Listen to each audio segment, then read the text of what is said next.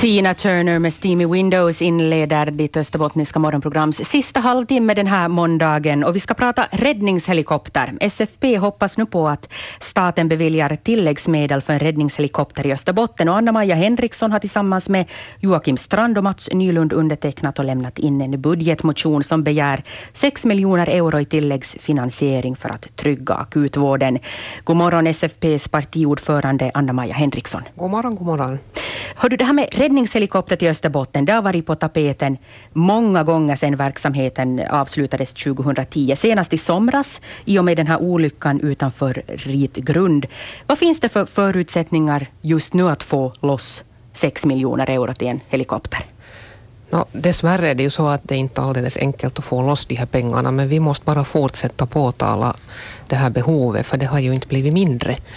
Och eh, av den anledningen så är den här budgetmotionen också nu viktig för att hålla den här saken helt enkelt på agendan och också visa åt regeringen att det här har inte vi glömt bort. Justitieombudsmannen har påtalat att det finns en stor brist i dagsläget och att det är så att säga ett ojämlikt läge i landet där var vissa medborgare inte har samma möjligheter som andra att betjänas av en räddningshelikopter. Så att det här är nog en, en stark påminnelse nu till regeringen om att, att man skulle inte få glömma bort den här saken. Mm. Ni har lämnat in en likadan, eller liknande i alla fall, budgetmotion tidigare, så är det det enda man kan vänta sig att det är en stark påminnelse i det här skedet?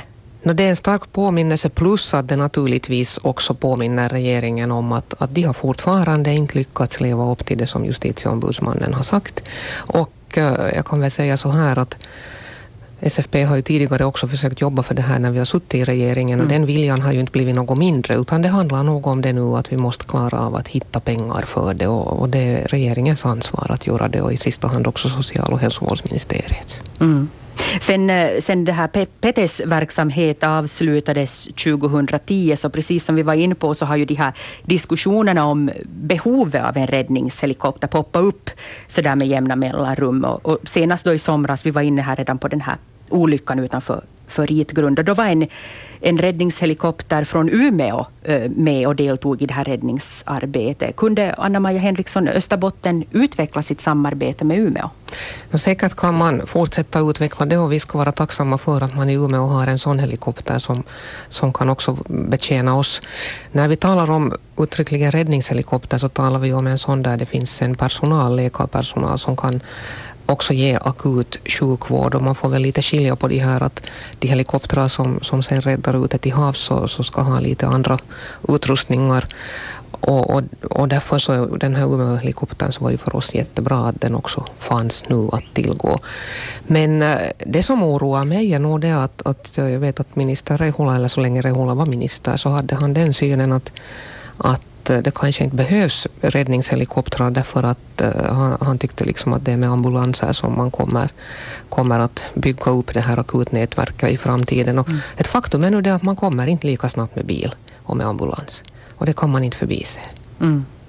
Men helt sådär realistiskt, hur långt, ifall om, om man skulle få den här tilläggsfinansieringen på 6 miljoner euro, hur långt räcker de pengarna? Vad jag kan förstå så ska det ju räcka till att upprätthålla verksamheten uh, för, för ett år i gången åtminstone. Så att det där nu ska det ju räcka, räcka en bra bit på vägen. Och det, det viktiga är ju det att vi skulle få ett uh, jämställt system i hela landet. Det finns mm. sex räddningshelikoptrar idag i Finland och det är just Österbotten och uh, sen sydöstra Finland som är förfördelade och det borde egentligen sättas pengar på två räddningshelikoptrar till i Finland. Det skulle vara det rättvisa. Eh, det här eh, är ju nu någonting som SFP har brunnit mycket för, men hur ser stödet ut från de andra partierna i den här frågan?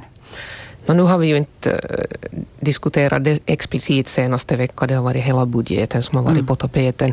Jag tror ju nog att, att Vasa valkretsledamöter naturligtvis stöder det här. Allt annat skulle förvåna mig. Men, men, men det är klart att, att sen, sen är ju det där Stödet, det är nu så här, man får, får så att säga utgå från det också i den här frågan att, att eh, vi kommer att få mera stöd nu från oppositionshåll än från regeringshåll. Det är nu det vanliga i en sån här situation. Eh, man brukar ju säga att man inte ska gå händelserna i förväg, men ifall vi gör det nu ändå, eh, var tycker du att den här potentiella räddningshelikoptern skulle kunna vara stationerad? no, det det är väl en, en senare fråga, men att det är klart att någonstans där var räckvidden till till både eh, den södra och den norra delen av landskapet snabbast. Det har, då talar vi om någonstans mitt i Österbotten. Mm. Hur troligt är det att Österbotten får en räddningshelikopter?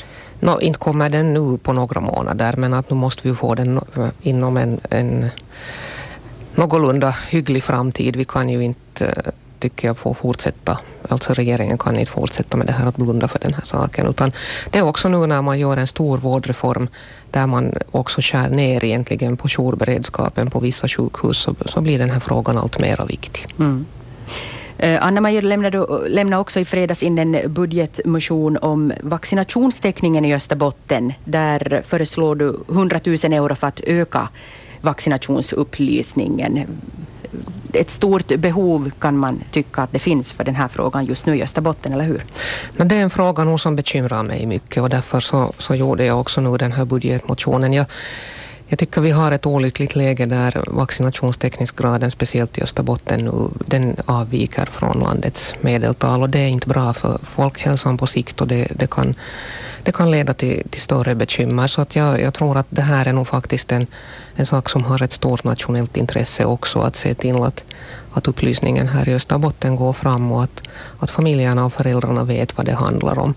Jag ser ändå att det har gått nu mot en bättre riktning. Jag talade här för någon dag sedan också med, med Markus Granholm som är barnläkare på, på sjukhuset i, i Jakobstad och han, han eh, uppgav då att, att de ser en, ser en trend att det går mot det bättre. Flera har blivit medvetna om det här och det, det är positivt. Men, men i alla händelser är det nog så att det skulle vara skäl att, att lite få satsa ännu extra på den här upplysningen i hela Österbotten. Mm.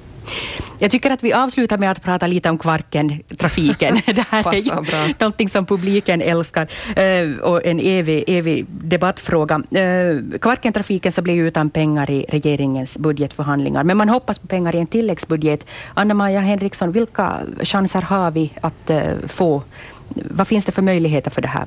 Jag tror nog att chanserna är faktiskt mm. goda. Jag har talat också med representanter för regeringen här ganska nyligen och, och det där viljan finns nog att, att uh, leva upp till det som man egentligen har fattat beslut om redan, det vill säga att, att Finland ska vara med i den här satsningen. Frågan är nu bara om tidpunkten och, och det handlar också om att, att se till att besluten i Finland och Sverige går så att säga hand i hand. Så jag är, nog, jag, jag är förhoppningsfull där att vi ska så småningom få se en lösning.